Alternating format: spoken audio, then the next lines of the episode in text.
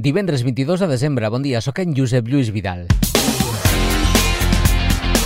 Ràdio Marina, sempre al teu costat. El Departament d'Interior ha anunciat que reforçarà el patrullatge de Mossos d'Esquadra a Calella a partir d'aquesta setmana. L'objectiu és aturar l'activitat del grup delinqüencial que acumula més de 260 detencions des del mes de maig.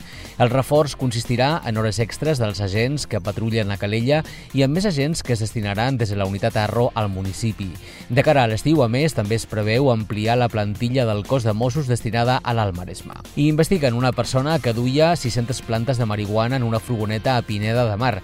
La policia local la va interceptar durant un control preventiu aquest dimecres després de detectar-li una presumpta infracció mentre circulava per la Nacional 2 al seu pas pel terme del municipi.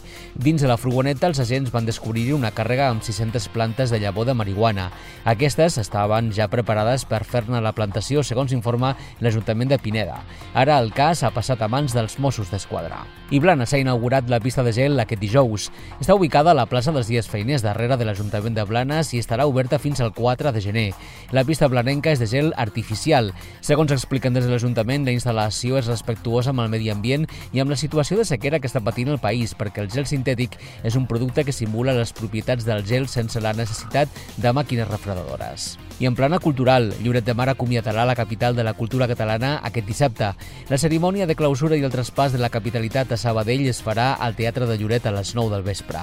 Es preveu l'actuació de la cobla La Flama de Farners, l'esbar Joaquim Ruira de Blanes i la cantant Neboa. A més, durant l'acte s'estrenarà en versió sardana la composició musical La Bubilla de Lloret, que ha sigut l'himne de la capitalitat aquest 2023. Pel que fa al temps, segons el Servei Meteorològic de Catalunya, divendres amb cel serè i vents fluixos.